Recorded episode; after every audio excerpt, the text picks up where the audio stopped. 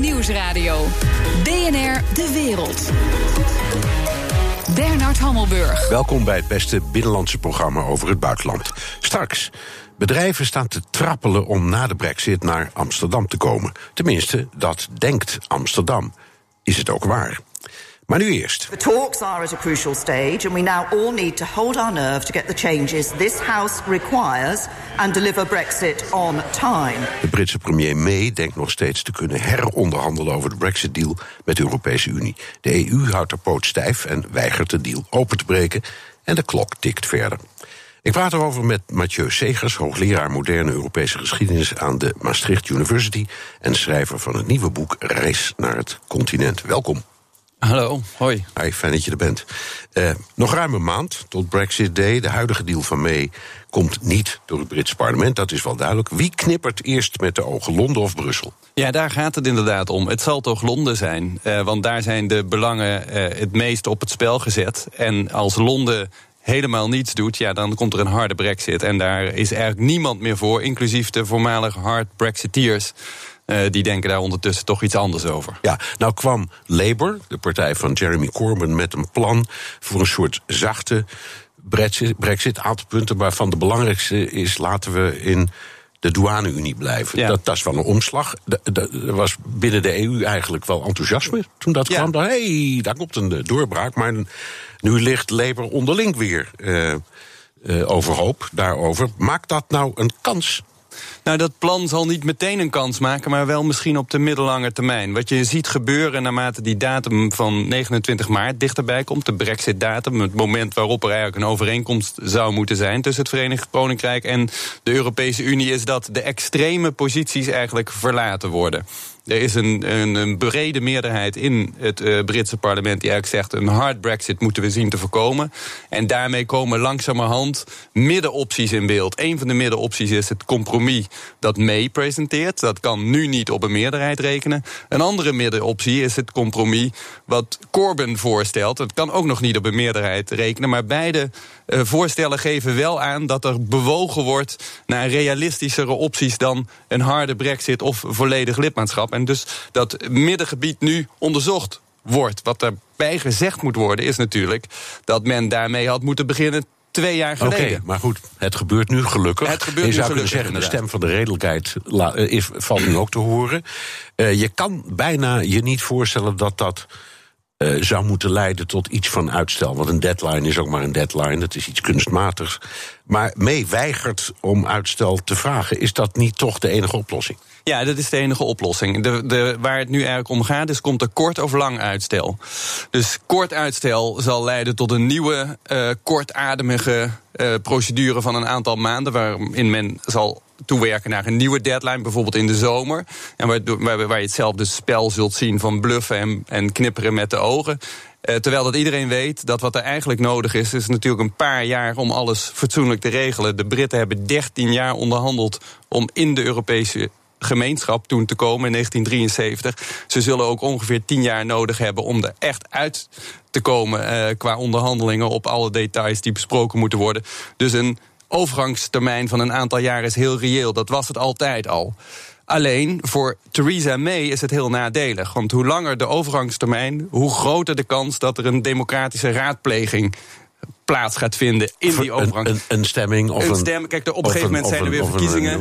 over ruim twee jaar. Of een nieuw referendum. En dan staat natuurlijk haar hele beleid uh, op het spel, zal ik maar zeggen. En die, uh, dat democratische raadplegingsmoment... dat wil zij zo ver mogelijk van zich afschuiven. Omdat ze, uh, als ze dat doet... de kans op acceptatie van wat zij heeft uitonderhandeld... het grootste is. Maar het zal onvermijdelijk er een keer van komen. Ja.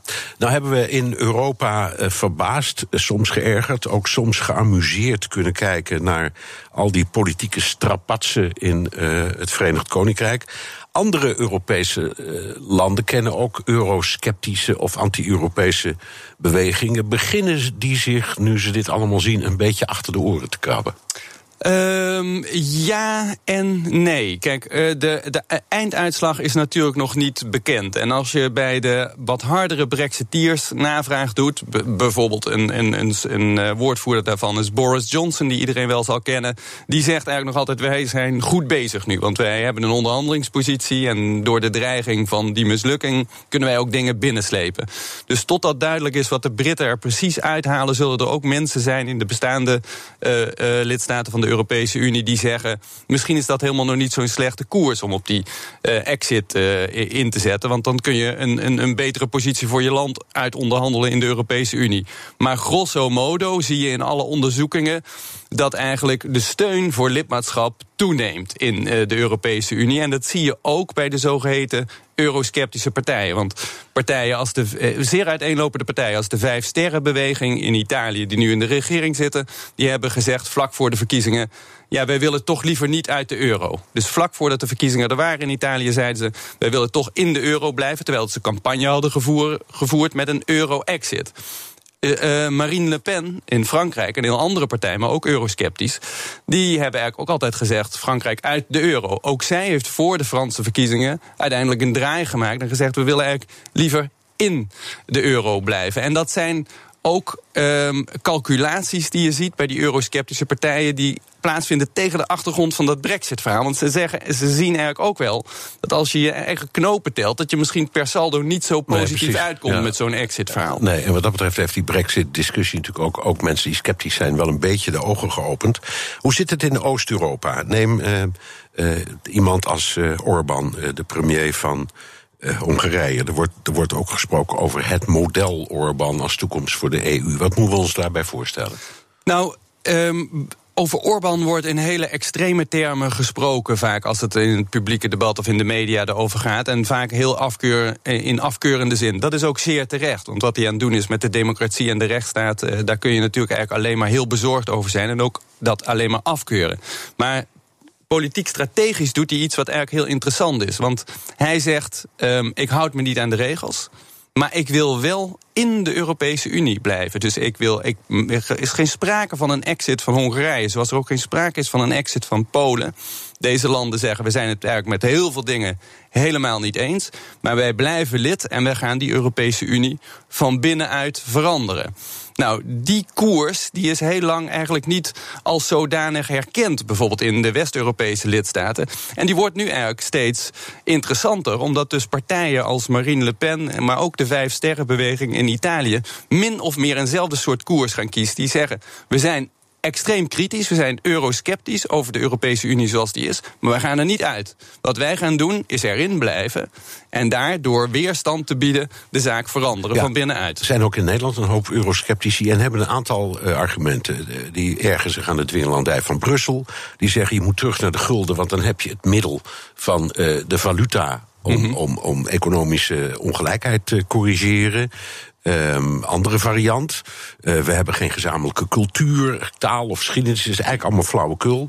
Um, het is toch niet voor, voor niets dat mensen als Baudet het zo goed doen in de peilingen. Want die, die zetten op dit soort argumenten in. Ja, die zetten op dit soort argumenten in. En die zullen een bepaald gedeelte van het electoraat blijven aanspreken. Zoals dat ook in andere landen gebeurt. Frankrijk, Italië hebben we net genoemd, maar ook in Oost-Europa. En die zullen dat ook kunnen blijven doen als er geen geloofwaardig verhaal tegenin gebracht wordt. Want wat het grote nadeel is van het verhaal van uh, deze eurosceptische bewegingen die extreme uh, voorstellen doen, dus bijvoorbeeld het invoeren van de gulden opnieuw, is dat zij uh, allerlei zaken beweren die eigenlijk heel moeilijk overeind te houden zijn uh, als je naar de werkelijkheid kijkt. Bijvoorbeeld het punt van die devaluaties devaluaties en revaluaties hebben we gehad op de gemeenschappelijke markt voor het uh, verdrag van Maastricht en, en voordat de euro werd ingevoerd. En dat leidde tot hele grote problemen, ook sociaal-economisch, ook qua stabiliteit in de samenlevingen. Omdat die munten te ver uit elkaar liepen en je dan constant problemen had om bijvoorbeeld uh, uh, richtprijzen met elkaar af te spreken in het gemeenschappelijk landbouwbeleid. Dat had grote consequenties voor landen als Frankrijk en Italië als men moest devalueren. Net zoals dat nu grote consequenties heeft als men moet herstructureren. Wat nu de optie is uh, als lid van, uh, van, de, van de euro. Die discussie moet eigenlijk gevoerd worden. Maar die wordt door de voorstanders, zou je kunnen zeggen, van, van zoiets als de muntunie, eigenlijk toch met name ontlopen. En zolang als dat zal uh, zo zal blijven, ja, dan heeft uh, de eurosceptische beweging een podium om die verhalen uh, te blijven vertellen en de, de indruk te wekken dat zij een echt alternatief hebben, wat ook misschien meer oplevert voor de mensen thuis en in de straat. Terwijl dat, dat in werkelijkheid in heel veel gevallen niet het, niet het geval zal zijn. Zo dadelijk. Is de hoofdstad van Europa straks niet Brussel, maar Budapest? BNR Nieuwsradio. BNR De Wereld. Mijn gast Mathieu Zegers, Zegers, hoogleraar moderne Europese geschiedenis aan de Maastricht University en schrijver van het nieuwe boek Reis naar het continent. Americans and Hungarians have always stood together in the pursuit of freedom, and that tradition continues today. It's why I'm so proud of the American engagement with this country. Amerikaanse minister van Buitenlandse Zaken Mike Pompeo maakt een Europese tour deze week. Hij stopt in Budapest, Warschau, Bratislava. Niet in Parijs en Berlijn of Den Haag bijvoorbeeld. Uh, officieel willen de Amerikanen in Oost-Europa de invloed van China en Rusland tegengaan en de banden halen. Maar dit is toch ook, uh, Mathieu, een beetje een teken uh, aan West-Europa, wat Pompeo gaf. En misschien wel terecht. Ja, nou, ik denk inderdaad, en dat is ook een onderstreping van het feit dat wij misschien wat te gemakzuchtig nog steeds omgaan met onze uh, berichtgeving, maar ook het verdiepen uh, van onszelf in wat er in Oost-Europa gaande is. Wat de Amerikanen nu eigenlijk zeggen is: wij hebben jullie een beetje verwaarloosd en dat is onze fout. Wij willen die graag herstellen. Dat is een enorme boost voor uh, de, de regering op dit moment in Oost-Europa. Dat zou uh, in de rest van Europa ook uh, eigenlijk een, een belletje moeten laten afgaan. Maar het gaat ook over een algemener punt. Waar je, waarvan je zou kunnen zeggen: misschien is het inderdaad zo dat het Westen als geheel, en daar hoort West-Europa ook uh, heel nadrukkelijk bij, en ook het Europa van Brussel, te weinig aandacht heeft besteed aan wat er in Oost-Europa gaande is. Ja, waar wij het veel over hebben steeds in die discussie is wat ze allemaal fout doen. Hongarije, Polen, mensenrechten, de ja. onafhankelijke rechtspraak. Um, uh, dat is dan allemaal in strijd met de zogenaamde Kopenhagen-criteria. Dat is waar landen die lid willen worden zich uh, bij het kruisje tekenen en zeggen: daar houden we ons aan.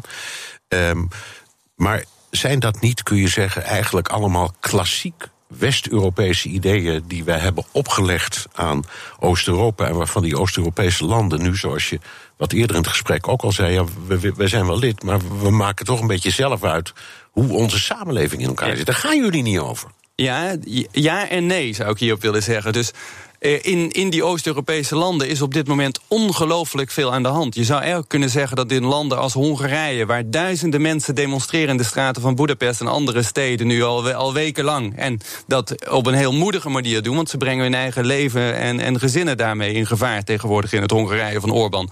Polen, waar ook uh, demonstraties plaatsvinden tegen de regering. Roemenië, waar heel veel gaande is. Daar is eigenlijk de frontlijn, zou je kunnen zeggen, van de, West, van, van, van de Europese democratie op dit moment. Uh, daar besteden wij erg weinig aandacht aan. Um, daarbij komt uh, als we er aandacht aan besteden, en daar heb je gelijk, en is het heel vaak in een zeer negatieve uh, en afkeurenswaardige zin. Artikel 7 toepassen, Waarmee ze deugen niet, een boze Timmermans. ja, maar goed, dat, dat, dat, is de rol van de commissie, die, die moet Timmermans spelen, en dat, dat doet hij ook goed, vind ik. Maar wat, waar ik het meer over heb, is dat heel vaak heel Oost-Europa over één kam geschoren wordt. En soms wordt er zelfs gewoon gesproken over het Oostblok. Alsof daar uh, geen verschillen zijn. Alsof in die samenlevingen niet hele belangrijke issues op, dit moment op de agenda staan. En um, ik denk dat het heel belangrijk is om aan de ene kant de waarden waar de Europese Unie op gegrondvest is te beschermen en zo goed mogelijk tot uitvoering te brengen in de lidstaten van de Europese Unie. Maar dat het aan de andere kant onmogelijk is om dat te doen als je niet af en toe je verplaatst in de situatie van de ander, laat ik het zo maar eens noemen. Dat doen de Amerikanen nu op een, op een heel Amerikaanse manier, heel spontaan eigenlijk en eerlijk van we hebben, we hebben jullie een beetje uh, verwaarloosd. Uh, het zegt nogal iets dat de regering Trump hier nu eigenlijk West-Europa voor is. Want in West-Europa is de enige, die enige uh, poging heeft gedaan tot, tot empathie richting Oost-Europa, is Angela Merkel. En die zit dan ook nog eens een keer in een hele moeilijke positie. Want de Duitsers worden nog steeds natuurlijk niet altijd 1, 2, 3 uh, vertrouwd uh, in Oost-Europa. Als dat de partij is die gestuurd wordt uh, om, zal ik maar zeggen, met je in gesprek te gaan. Nee, maar, hoewel ze zichzelf sinds Willy Brandt wel al een beetje zien als, als het medium tussen Oost ja, en West. Nou, zij, zij vullen die rol uh, zo verantwoordelijk mogelijk in. En dat doet Merkel ook. En daar uh, kun je veel respect voor hebben. Maar wat eigenlijk belangrijk is om daarbij aan te tekenen, is dat Duitsland daar niet of nauwelijks kan rekenen op zijn vrienden. Uh, in West-Europa. Dus landen als Nederland, de Benelux, Frankrijk zie je ongelooflijk weinig. Macron begint nu ook een beetje in de slipstream van de Amerikanen richting uh, Oost-Europa overtures te maken. Maar dat had natuurlijk eigenlijk al veel eerder en oprechter moeten gebeuren. Ja, uh, laten we één voorbeeldje nemen. Wat destijds veel indruk heeft gemaakt van Orbán die zei in de discussie over migratie: ja, ik, ik weet het wel en ik ken die, die, criteria van Kopenhagen net zo goed als ieder ander. Maar wij willen niet, zoals jullie in Frankrijk of in Nederland of in Duitsland, een zogenaamde parallelle samenleving. Ja. Met grote minderheden in, in wijken, met allerlei problemen. En dan riepen we in het Westen: ja, maar daar heb je voor getekend. Hij zei: dat kan wel wezen, maar ik wil het niet. Is dit nou zo'n voorbeeld? Ja, dit is een voorbeeld waar je zou kunnen zeggen: Nou, dit is een. Uh, Orbán is democratisch gekozen. Die heeft op dat moment een meerderheid van de Hongaarse bevolking achter zich. En die brengt een standpunt wat kan rekenen op veel steun uh, in Hongarije. In plaats van het uh, meteen af te keuren, zou je met elkaar in gesprek moeten gaan daarover. en ook um, zelf kritisch moeten zijn. En dat is misschien wel het allerbelangrijkste. Kijk, de Kopenhagen-criteria, waar je het al een paar keer over hebt. En dat geldt, hetzelfde geldt voor de mensenrechten die zijn toegevoegd aan de Europese verdragen. Dat is allemaal gebeurd in de jaren negentig. Op het moment dat er groot vertrouwen was dat de samenlevingen in Europa, maar zelfs ook in de wereld als geheel, zich zouden ontwikkelen in de richting van een liberaal westers model. Ja. Nou, toen is in, in die, die periode van zelfvertrouwen en dat soort doelen gesteld. Die doelen moet je niet loslaten, maar je moet aan de andere kant wel realistisch zijn over wat je kunt realiseren. Want alleen dan kun je die doelen geloofwaardig houden. Ze zijn niet geloofwaardig als je ze van de kansel predikt, maar in de realiteit zelf uh, logend of niet kunt invoeren. En dat is natuurlijk wat de hele tijd een beetje dreigt. En dat is ook het spel wat Orbán speelt. Want die zegt: ja, dit is eigenlijk naïef. He, ik verdedig de belangen van mijn bevolking. En dan doe ik dus niet mee uh, aan deze nee, afspraken. En daar zou een veel realistischer antwoord op moeten komen vanuit de Europese Unie dan tot nu toe gebeurt. Hoe gaat Rutte ermee om? Die heeft gisteren een toespraak gehouden over uh, ja. uh, de toekomst van de ja. Europese Unie in Zwitserland. Wat vond je daarvan? En, nou, de, kijk, dat, dat, is een, dat sluit hier heel goed bij aan. Wat Rutte sinds 2016 en eigenlijk vooral sinds vorig jaar zijn be bekende speech ondertussen in Berlijn en Straatsburg is gaan doen, is eigenlijk dat realisme proberen te brengen in dat debat. En dan heeft hij eigenlijk twee boodschappen. De ene is. Als we realistisch zijn, is die Europese integratie per saldo zo slecht nog niet. Daar zitten heel veel heel waardevolle en belangrijke dingen in. waar we niet te makkelijk grapjes over moeten maken. of die we niet te makkelijk belachelijk moeten maken of moeten besmeuren. Dat is één ding. En het andere is, als de Europese integratie zelf een geloofwaardig iets wil blijven, iets waar mensen in willen investeren en uh, zich achter willen stellen, ja, dan zullen er ook resultaten geboekt moeten worden die ertoe doen in de issues die er op dit moment toe doen. Dan gaat het over migratie, dan gaat het over klimaat en dan gaat het over veiligheid. Dat zijn precies ook de drie dingen die hij gisteren weer in Zurich in zijn speech heeft aangehaald. Hij zegt: als we daar echt stappen willen maken in het belang van Nederland, moeten we dat Europees doen. En daarom ben ik constructief in die Europese integratie. En dat is wel een koerswijziging van Rutte die die de laatste twee jaar, en met name het laatste jaar, heel consistent aan doorzetten is. En dat is best moedig eigenlijk, want het is voor de Nederlandse traditie best wel een pro-Europese koers. Zeker in het eh, licht van de recente geschiedenis. En het is een van de weinige uh, Europese leiders na Macron en Merkel, dus niet vanuit Duits, Frans-Duitse as, die zich zo constructief inzet en, en, en, en met voorstellen ja, komt. Behalve Rutte zelf, die het nadrukkelijk ontkent, zegt nou ongeveer iedereen in Europa, hij zal wel een grote, dikke positie in Europa krijgen. Wat denk jij? Nou, e-, een van de, van de parallele realiteiten van deze consistente lijn die hij nu volgt uh, de afgelopen twee, drie jaar, is dat hij uh, consistent een kandidaat is voor belangrijke functies in Europa. Want hij uh, profileert zich als een verantwoordelijk staatsman. En hij wordt ook zo gezien door de anderen. Ja. ja, die een realistische en constructieve agenda uh, probeert te formuleren voor Europa. En daar zijn er op dit moment heel weinig van. Dus het is logisch dat hij steeds in beeld uh, komt als, ja. uh, voor belangrijke functies. Oké, okay. al met al, we hebben nog een paar seconden, maar toch. Als ik jou goed begrijp, dan zeg je die Unie die blijft, alleen die wordt een beetje anders. Ja. In een paar woorden, hoe wordt de Unie? Nou, de Unie zal moeten veranderen. En de vraag is of, of er genoeg kracht gevonden wordt om die verandering ook door te voeren, om geloofwaardig te blijven. En dan zal die gevarieerder worden dan dat die geweest is. Dus het was heel erg in de richting van one size fits all. We zullen meer variatie gaan zien in de Europese Unie als die wil overleven. Ja, en dat betekent dus dat je landen ook moet toelaten om op bepaalde punten hun eigen interpretatie te geven. Ja, zeker tijdelijk. Ja. Dankjewel. Mathieu Segers, hoogleraar moderne Europese geschiedenis aan de Maastricht University en schrijver van het nieuwe boek Reis naar het continent. BNR Nieuwsradio. BNR De Wereld. Bernard Hammelburg. Niemand weet hoe de brexit eruit gaat zien, maar bedrijven moeten zich wel op iets voorbereiden, waarschuwt de Nederlandse overheid keer op keer. Het nieuwste wapen in deze strijd: een harig blauw monster.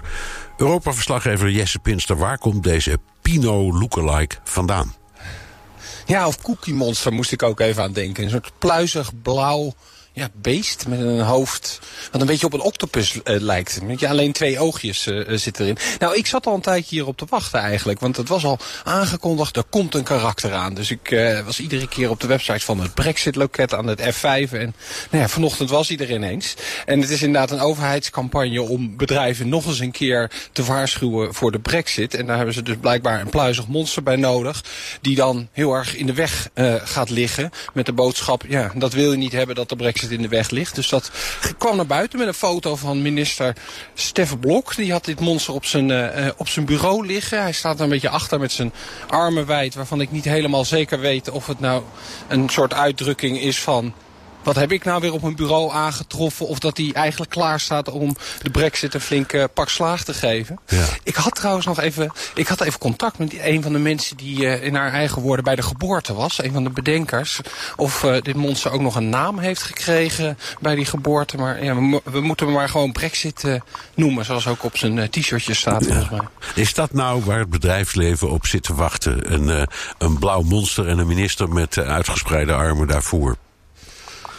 Het is uh, marketingtechnisch misschien uh, wel leuk. Het krijgt een hoop, hoop aandacht. Ik zie dat ook de Britse media er enthousiast op springt. Maar nee, het bedrijfsleven is natuurlijk op zoek naar duidelijkheid. Ik moet dan steeds terugdenken aan een paar weken geleden... toen de president-directeur van VDL, toch een belangrijk Nederlands bedrijf... de heer Willem van der Leegte, zei van... ja, waarop moet ik me nou eigenlijk voorbereiden? En dat hij ook ging bellen met dat brexit-loket van... ja, als we straks naar de Wereldhandelsorganisatie tarieven... als we daarheen gaan, als er een no-deal Ja, wat houdt dat dan eigenlijk in? Hoe hoog zijn die tarieven? Nou, daar kreeg hij geen antwoord op. En je ziet ook dat met name MKB, kleinere bedrijven... vanwege die onzekerheid ja, toch een beetje de boel afwachten. En dat het de grote jongens als VDL zijn die zich wel voorbereiden. Maar ja, moet je je voorstellen hoe dat gaat. Weet je, dan ga je zorgen dat je extra uh, producten die je uit Groot-Brittannië wil halen alvast inslaat. Of dat je opslagruimte in Groot-Brittannië regelt, zodat je met de verkoop door kan gaan. Dat doe je allemaal voor de periode rond 29 maart. En je kan niet uitsluiten, nog steeds niet, dat er misschien nog een uitstel gaat komen allemaal weggegooid geld. Ja. Jij zit op dit moment in Zurich en je hebt daar met uh, Zwitserse uh, ondernemers gesproken over de brexit. Hebben zij ook zo'n last van die onzekerheid? Sinds maandag niet meer. Ze hebben hier wel een deal gesloten met de Britten. De, de Zwitserse regering heeft daar afgelopen maandag samen met een minister uit Londen een handtekening onder gezet. Um, om zelfs in het geval van dat er helemaal geen akkoord is... dat zij redelijk ongestoord door kunnen gaan waar ze mee bezig zijn. Dus ik sprak bijvoorbeeld de president van de brancheorganisatie voor de horlogeindustrie. Die zei, nou ja, ik ben happy, want alles blijft gewoon hetzelfde. Ik ben ook nog even langs geweest bij het, ja, het VNO-NCW van Zwitserland. Nou, daar zijn ze iets voorzichtiger. Dat ze wel zeggen, ja, voor 75% van de bedrijven is dit de oplossing. Maar er zit nog wel wat onzekerheid in, omdat die Zwitsers zo dicht tegen Europa aanzitten. Dus weet je, zelfs uh, uh, als er een akkoord komt tussen Europa en Londen... dan heeft dat nog wel invloed voor die 25% van de bedrijven hier in Zwitserland... Ja, ja. die met de uh, Britten handelen. Zwitserland zit niet in de EU. Heeft de Britse regering ook met andere landen dit soort afspraken gemaakt? Ja, dat, dat was de bedoeling. Europa die heeft met zo'n 70 landen akkoorden over gunstige handelsvoorwaarden. Nou, de Britse regering wilde dat ook hebben voor de brexit. En dat moest dan allemaal opnieuw besproken worden. Maar nou, inmiddels is de ambitie om ze maar in ieder geval te kopiëren. Ze niet ambitieuzer te maken uh, uh, dan uh, ze nu zijn. Maar dan zie je dat grote landen als Japan... Ja, die zijn niet zo geneigd om de economie van de Groot-Brittannië... die toch een stuk kleiner is dan de Europese... zomaar hetzelfde te geven als er in die Europese afspraken staat. Dus dan moet je constateren... ja, er zijn 70 landen waar de EU deals mee heeft. De Britten zitten nu op zeven, wel geteld. En dat is dan Zwitserland. En dat is dan een van de grotere eigenlijk nog. Want dat gaat ook over de Faroe-eilanden of de Seychelles. Dus al die mooie ambities over... we gaan nieuwe deals die nog mooier voor ons Britten zijn... die gaan we afsluiten. Daar lijkt tot op heden weinig van terecht te komen. Dank. Europa-verslaggever Jesse Pinster. BNR Nieuwsradio. BNR De Wereld. Nederland gaat 100 miljoen euro investeren in Niger. Dat maakte Sigrid Kaag, minister voor Ontwikkelingssamenwerking, bekend na een bezoek aan het land. Niger is een van de armste landen ter wereld en een belangrijk vertrekpunt voor migranten richting Europa. Ik praat erover met minister Kaag. Welkom. Goedemiddag. Wat kunt u doen met 100 miljoen? Uh, het klinkt als een hoop geld, maar ja, op het totaal is het eigenlijk maar heel weinig. Nou, dat is natuurlijk vaker zo als je spreekt over het totaal van het bedrag van ontwikkelingssamenwerking. Wat er nieuw aan is dat we uh, helemaal opnieuw beginnen met Niger uh, in een ontwikkelingsrelatie. We kijken naar armoedebestrijding, hulp uh, bij de bestrijding van met name kindhuwelijken. toegang tot onderwijs voor meisjes. Dus belangrijke pijlers van ontwikkeling in het land. Nou is Niger een belangrijk vertrekpunt voor vluchtelingen naar Europa. Probeert u nu met deze investering ook te voorkomen dat die mensen hierheen komen? Um, nou, het is natuurlijk er is een bredere migratiebenadering waarbij je dus ook kijkt uh, naar de grondoorzaken, uh, grondoorzaken van onderontwikkeling. En dan doe je natuurlijk aan armoedebestrijding. Daarmee hoop je te voorkomen dat mensen vooral illegaal willen uitreizen. Onder andere natuurlijk naar Europa, maar nog, een groot deel nog steeds van de migranten strandt binnen Afrika zelf. Dus een groot deel ook van de mensen die nu in Niger zitten uit andere landen, hebben wij helpen terugkeren via IOM en het UNHCR uit Libië bijvoorbeeld. Ja, nou ik vraag het hier om omdat het een beetje uh, klinkt alsof ontwikkelingssamenwerking nu een soort afkoopmiddel wordt om ons ideaal van opvang in de regio te verwezenlijken. Dus weet je wat, we stoppen er wat geld in en dan kunnen we onze uh, nou, ideologie uh, verwezenlijken. Klopt dat? Nee, uh, absoluut niet. Uh, we kijken echt naar aanpak van grondoorzaken, gevolgen van klimaatverandering uh, en wat dat doet met mensen. En juist we willen de, die, die, die, die verschrikkelijke gevolgen helpen tegengaan. is dat voldoende met geld? Nee. En de landen, als je het als afkoopmiddel zou willen presenteren, is het A niet zo geloofwaardig en B de landen zelf met die we willen samenwerken, ook in de aanpak tegen mensensmokkel, mensenhandel, die zouden zeggen, nou ja, voor dat bedrag hoeft het niet. Het gaat echt om een samenwerking om ontwikkeling in het land op te starten. Ja, en nog even een, een laten we zeggen, technische vraag. Uh, met wie doet u dat? Want de kritiek in uw vak is vaak, ja, als je dat met regeringen regelt, dan verdwijnt het. Of dan, dan worden ze hulpafhankelijk of verslaafd, of ze gaan niet fiscaliseren. Nou, noem al die bezwaren maar op. Dus met wie gaat u in zee? Wij gaan meestal, dat is al een, eigenlijk al sinds uh, tien jaar, denk ik. In Nederland werken we via Nederlandse NGO's, lokale NGO's, uh, maatschappelijk middenveld dus, VN-instellingen of via de EU. Het is bijna nooit via de regering. Dus het is een soort mythe die sommige mensen graag willen cultiveren, maar het is niet gebaseerd op het beleid. Nee. Goed, nou, heel hartelijk dank. Sigrid Kaag, minister voor Ontwikkelingssamenwerking en Buitenlandse Handel. En zo dadelijk wordt Amsterdam dankzij de brexit het nieuwe Londen... of loopt die droom vast op lage bonussen in Nederland? BNR Nieuwsradio. BNR De Wereld. Amsterdam maakt zich klaar voor een invasie van Londense bedrijven die op de Brexit-vlucht slaan. De goede verbindingen, dus hele goede internetverbindingen, razendsnel internet. Uh, de, de goede verkeersverbindingen. En Schiphol is echt een hele belangrijke factor. Het feit dat het een heel, uh, ja, heel prettige omgeving is om te wonen en te werken. Het vestigingsklimaat is gewoon heel gunstig. Volgens Udo Kok, de Amsterdamse wethouder van Financiën, zijn er veel redenen voor bedrijven om naar Nederland te komen. Tot nu toe 40 stuks en volgens en mogelijk nog 250 andere bedrijven. Wordt onze hoofdstad straks Londen aan de Amstel? Ik praat erover met Martin Visser, financieel journalist bij de Telegraaf en oud-correspondent in Brussel. Hali Martin. Ja, goedemiddag. Um, het klinkt indrukwekkend, al die getallen, maar ook Parijs, Dublin, Frankfurt, Azen op Brexit, ballingen. Hoe doen die het? Ja, nou, uh, ook heel goed. Zo niet beter. En zeker in de financiële sector. Um, uh, Overigens zijn het heel vaak uh, grootbanken die dan een plukje mensen vast naar een andere hoofdstad uh, verhuizen. Um, en dan hopen natuurlijk die hoofdsteden dat, dat er meer gaan volgen.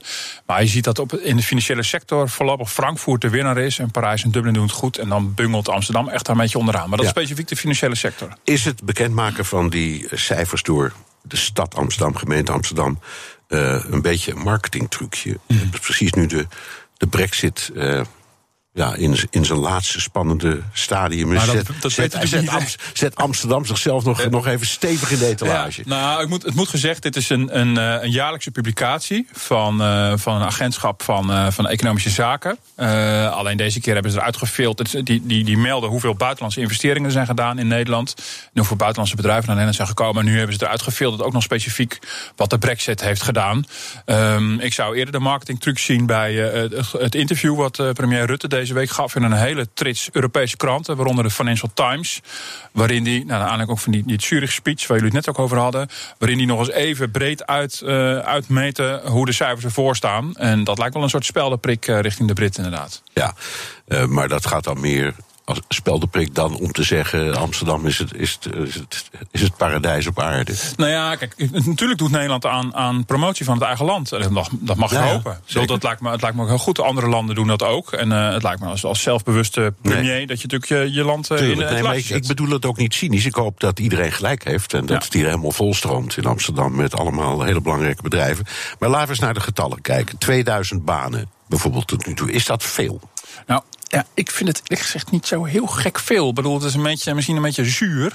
Maar de grootste klapper is toch de EMA geweest, de Europese Medicijnenautoriteit. Die is alleen nog goed voor. Ik bedoel, dat is natuurlijk heel mooi dat we die hebben gehad. We hebben gewonnen, zeg maar, van Italië. Um, dat waren al, alleen al 900 banen. Dan resteren er nog 1100, verdeeld over 41 bedrijven. Ja, dan heb je het over, over 25 man per bedrijf. Dat is toch. Het zijn al heel veel. Heel, het zijn een hele trits kleine visjes. Spannender is wat er nog gaat komen. Want dit is, we zitten nu echt nog helemaal vooraan in de Brexit-vlucht. Ja, niet 250 bedrijven waarmee gesproken wordt. De vraag is hoeveel gaan we daarvan binnenhengelen? Ja, ja, en nog even naar dat uh, medicijnenbureau. Dat is ook nog een heel gedoe, want een aantal mensen heeft toegestemd, maar het blijkt, blijkt een heleboel niet te willen of, ja. uh, of, of, te pruttelen. Of te, dus dat doorbreekt ook een beetje, beetje het beeld van Amsterdam als. Uh, Alsof ze heel graag zouden willen. Ja, ja. en ik vraag het daarom, want als je, als je los van de materiële kant, maar als je Amsterdam vergelijkt met Dublin of met Frankfurt. Parijs is misschien iets anders, maar. Dublin of Frankfurt, dan is Amsterdam lijkt me dan toch een leukere keus. Of zie ik ja, fout? Ja, nou, kijk, de, de keuze voor Frankfurt komt van, vooral vanuit de financiële sector, ja. omdat je daar natuurlijk vlak bij de ECB zit. Ik denk niet dat die banken kiezen voor Frankfurt als leukste stad van Europa, want dan kan ik er ook wel een paar andere bedenken. Ja. Ik vind persoonlijk Dublin wel heel erg leuk, maar uh, ik denk dat Dublin ermee te maken heeft dat heel veel van die partijen ook al kantoren in Dublin, uh, Dublin hebben. Dus misschien is die, die hub of die overstap dan relatief makkelijk.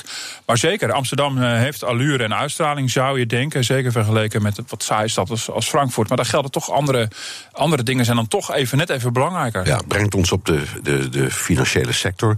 Ik hoorde van de week iemand uit de raad van bestuur van een hele grote multinational. En die zei: Het is wel degelijk een soort frame wat Amsterdam doet.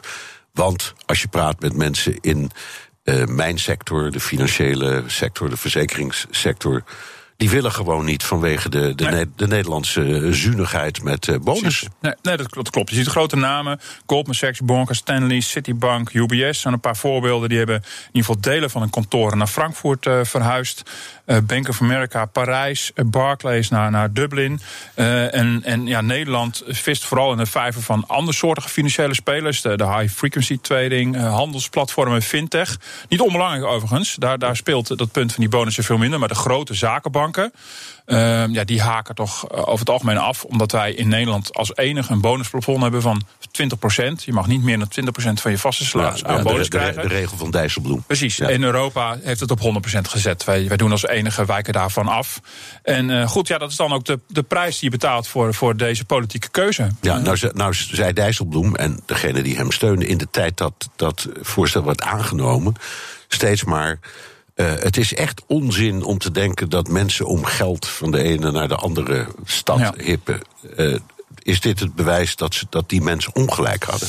Nou ja, ik denk dat, dat je zeker bij die grote zakenbanken eh, zit het gewoon heel erg in de cultuur. Dus ik denk dat, dat ze wel degelijk naar die bonusregelgeving kijken. Ik kan me heel goed voorstellen dat je als tegenargument dan geeft: oké, maar bankiers. Waar- waar- Waarbij dat bonus zo belangrijk is, die willen we hier misschien niet. Daar is ook wel iets voor te zeggen. Maar dan moet je ook zeggen: van oké, dan gaan we niet voor die grote vissen. Dan zoeken we het een andere. eh, Ik bedoel, er is, ook, er is niks om je voor te generen als wij eh, heel sterk zijn op de fintech bijvoorbeeld. Of op handelsplatformen. Ja. Misschien wat minder sexy. Eh, ehm, maar maar dat, dat lijkt me prima. Dan dat je die hele grote zakenbankiers heen, hierheen haalt. Alleen vanwege die bonus. Ja, nou goed, het, het bedrijfsleven zelf, ook deze persoon die ik sprak, die waarschuwde voor strenge wet, wetgeving, is misschien in geval voor een aantal van die mensen een wegjager. Zijn er andere redenen om Amsterdam niet te kiezen? Nou, ehm, kijk, we hebben natuurlijk heel veel discussie gehad over de afgelopen jaren over het fiscale klimaat. Eh, dividendbelasting. Eh, ehm, eh, ik denk dat het fiscale klimaat eh, ook een rol speelt. Eh, en dan vooral de, de, de vennootschapsbelasting, de winstbelasting. Daar is Nederland, eh, die gaat die eh, weer verder verlagen. Maar we waren op een gegeven moment een soort middenmotor geworden. Ehm, eh, ik denk dat, dus, dus, dus daar zit het redelijk goed. Duitsland is misschien iets scherper, maar Parijs en Frank, Frankrijk, die zit weer wat hoger met de, met de belastingtarieven voor bedrijven. Ik denk dat dat van belang is dat financiële spelers toch zo heel, net zei ik dat ook, heel graag bij de ECB in de buurt willen zitten, in de buurt van de toezichthouder willen zitten. Ze, gaan, ze gaan dan samen klonten en dan krijg je echt een, een, een nieuwe financiële hoofdstad, zeg maar. Eh, Frankrijk was het natuurlijk in zekere zin al, maar wordt nu echt weer groter. Ook ten opzichte van, eh, van, eh, van, van, van Londen. Gaat echt, wordt echt een grotere tweede partij. Dus dat is heel belangrijk. Ja, daar, daar kan je bijna niet tegenop. Nee. En ik denk dat Parijs, Amsterdam eh, is wat, wat minder grijpbaar. Maar dat heeft misschien ook wel met politieke cultuur te maken. De manier waarop bedrijven worden eh, overgehaald. We weten ook, Frankrijk heeft ook een andere cultuur... waarbij de politiek dichter op, de, op het bedrijfsleven staat. Waarbij misschien wel bepaalde deeltjes worden gesloten. In Nederland is er veel kritiek op onze belastingrulings. En dan wijzen we altijd naar Frankrijk. Ja, maar wat spoken die eruit in die achterkamertjes? Dus ja, misschien dat, de Fransen bepaalde dingen behendiger eh, eh, doen. Maar ik denk dat Nederland heel veel plussen heeft. En even over, je hebt het nu over de, eh, de vennootschapsbelastingen, dus laten we zeggen de zakelijke kant. Er is ook Ja. de privékant. Zeker. De inkomstenbelasting in Nederland is redelijk hoog. Nu is er wel een regeling voor mensen die uit het buitenland komen, maar die, daar wordt daar getweakt, dus Ja. die wordt minder aantrekkelijk gemaakt. Is dat ook een factor die speelt? Ja, dat zou kunnen. Nou, nou was de expertregeling best wel eh, gunstig. Eh, ik denk dat menige Nederlander die regeling zou willen gebruiken. En hij wordt versoberd, maar dat is, wordt uiteindelijk, uiteindelijk toch weer trager gedaan dan in eerste instantie de bedoeling was. Ik, ik denk dat uiteindelijk, als je privé kijkt, ik denk dat privé veel belangrijker is of er goede scholen zijn bijvoorbeeld. Eh goede internationale scholen. Eh, eh, en, eh, dus dat is van belang. Of, het, of de infrastructuur goed is. Ik denk dat Nederland daar gewoon goed scoort. Ehm, eh, en verder aan, aan de zakelijke kant, naast belastingen, is ook onge- ongelooflijk belangrijk of je talent kan krijgen. Kan, kan je voldoende mensen krijgen? De arbeidsmarkt is een toenemende mate van belang. En in Nederland wordt die arbeidsmarkt wel langzaamaan steeds krapper. Dus dat zou op een gegeven moment tegen Nederland kunnen zijn. Dat is waar, maar aan de andere kant. Een grote financiële instelling die het wel zou doen, ja, die kan zijn talent overal Tuurlijk, vandaan die- halen. ja. Die is niet gebonden aan. Ja, en dan hangt het weer vanaf in welke mate, en dat is in de politiek in Nederland natuurlijk soms ook wel lastig, en in welke mate wij echt openstaan voor het naar Nederland halen van, eh, van buitenlands eh, talent. Nou goed, en eh, weet ik wat, een groot bedrijf als ASML doet niet anders. Maar toch zie je dat er ook vanuit de werkgeverslobby er vaak over geklaagd wordt. Het kost wel heel veel tijd om, om mensen vanuit buiten Europa naar ons toe te halen. Omdat het toch, ja, we, we zijn ook bezig om die grenzen niet al te, te, te zeer open te, te stellen. Ehm, maar je wil, je wil ook gewoon een talentenpool in, in, in het eigen land eh, hebben. En ik denk dus in die zin heeft Nederland een heel aantal plus. Alleen we hebben ook niet, we hebben ook niet de omvang. Ik bedoel, die financiële sector speelt ook van belang dat een Parijs en een Frankfurt via Frankrijk en Duitsland ook heel veel politiek gewicht in de schaal legt. Van die bedrijven is het heel belangrijk dat we ook eh, een stevige partij zijn in, de, in het Europese. Want het gaat dus uiteindelijk om die Europese regelgeving. En Nederland is een toch iets kleinere speler. Ja, en wat dat betreft staat dus natuurlijk, om het maar simpel te houden, in Londen in de City op rozen. Want dat was naast Wall Street eh, erkend door de hele wereld het belangrijkste financiële Zeker. centrum. En als het ging om, om Europese regelgeving voor de financiële sector, waren de Britten altijd weer zo, zo keen eh, of zo link, zo je wilt, eh, om te zorgen dat er weer uitzonderingsposities kwamen. Ze stonden altijd op de bres voor hun financiële sector. Ik denk dat de Nederlandse politiek daar een beetje anders in zit. Banken zijn niet zo heel erg geliefd in Nederland. En dat is eigenlijk sinds de crisis nog niet heel erg verbeterd. Als nu gebeurt waar we het straks met Mathieu Segers over hadden, die, die zegt: het kan niet anders dan dat de he- deze hele kwestie zal leiden, de Brexit, tot een vorm van uitstel of compromis. Zou het dan alsnog kunnen dat bijvoorbeeld een aantal bedrijven in de City in Londen zeggen: de soep wordt niet zo heet gegeten, we blijven gewoon even zitten? Nou, of of ja. zitten ze zo vast aan dat zogenaamde Europese bankpaspoort dat ze geen keuze hebben? Nou ja, wat je natuurlijk ziet voor die bedrijven is het, is het niet iets wat ze gewoon overnight beslissen. Dat, is een lang, dat zijn langere eh, procedures. Die bedrijven zijn natuurlijk al lang over aan het nadenken. Dus zij kunnen bijna niet reageren op de actuele politiek. Dus daarom zie je denk ik ook heel veel bedrijven die alvast kleine plukjes her en der heen sturen. En dan zien ze wel of ze dat gaan uitbouwen. Ik denk dat je het meer zo moet zien. Er worden, eh, en nou goed, er wordt met 250 bedrijven gesproken. Er zijn dus veel meer bedrijven die die sprong willen wagen. Misschien eerst in het klein. Eh, en allicht, als op een gegeven moment duidelijk wordt dat, dat de brexit wordt uitgesteld, dan gaat dat proces iets minder traag. Maar dat zal niet ineens tot stilstand komen. Die onzekerheid blijft natuurlijk. Ja, gesteld nou dat het, laten we zeggen, het, het, positieve plaatje zoals dat eh, eh, wordt geschetst, zo door een Amsterdamse wethouder en ook wel een beetje door de Nederlandse regering. En het lukt wel om inderdaad een hele hoop bedrijven hier naartoe te halen, en inclusief het personeel. Compenseert dat die 500 euro die we per persoon volgens het CPB gaan verliezen door de Brexit? Nou, ik ben bang van niet.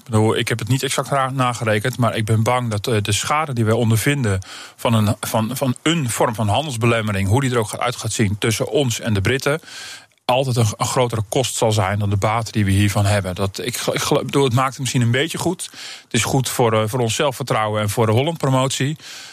Maar dat, dat, dat zal nooit. Bedoel, we hebben natuurlijk veel meer baat bij gewoon een, een, een soepele handel met de Britten. Geen gedoe, geen onzekerheid. Eh, nou, ik denk dat als we zouden, theoretisch zouden kunnen kiezen van we, we krijgen Brexit buiten nul. Maar de Brexit gaat ook helemaal niet door. Dan moeten we natuurlijk altijd voor het laatste kiezen. Ja. Goed, dat is een theoretische optie, want wij hebben dat niet in, eh, in de hand. Nee, wij, wij, wij hebben dat eh, ze- zeker niet in de hand. Maar je kan ook zeggen, je noemde Frankfurt wat aantrekkelijker is, want dat wordt dan toch eens voor het financieel centrum. En Dublin, waar, waar al een hoop is, hebben die in dezelfde redenering dan wel meer compensatie voor het verlies dat ze gaan leiden door per persoon. Ja. Nou ja, Frankfurt denk ik wel. Al dan goed, maar dat is natuurlijk wel onderdeel van een veel grotere, veel grotere eh, economie. Eh, het is ook alweer zo dat Ierland is wel een. eh, Ik zie niet in hoe Ierland op, op welke manier dan ook hier een winnaar kan zijn. Ierland is qua economie zo verklonken met de Britse economie. Die zijn in, voor mij in alle scenario's verliezer. Waar, eh, alle Brexit-scenario's. En voor de Duitsers geldt het weer een beetje anders. Nederland is echt een hele belangrijke handelspartner voor het Verenigd Koninkrijk. Ja, en, en we hebben er echt alle belang bij dat het zo soepel mogelijk gaat. En de- dat het belang is bij ons nog veel groter dan, dan bij de Duitsers het geval is. Ja. Ehm, als je zelf, je volgt natuurlijk die brexit eh, dag voor dag. Denk jij ook dat er een vorm van uitstel komt of heronderhandelen of weet ik veel wat? Ik, ik zou niet weten wat, hoe anders. Ik bedoel, ja, ik, ik zit het met verbijstering garen te, te slaan al een hele tijd. Want er wordt steeds gesproken over een alternatief, maar niemand weet wat het alternatief is. Het is, een, echt, het is echt een wonderlijk spel. En eh, ja, ik zou niet weten hoe je, hoe je anders. Maar dan nog, hè, dan heb je de uitstel. Stel dat er uitstel komt. En, eh, en er wordt, dan, dan, dan doemt er niet ineens een nieuw alternatief op. Want eh, uiteindelijk is alles terug te brengen tot die grens tussen Ierland en Noord-Ierland die open moet blijven. Maar tegelijkertijd stappen de Britten eruit, dus wil je een grens.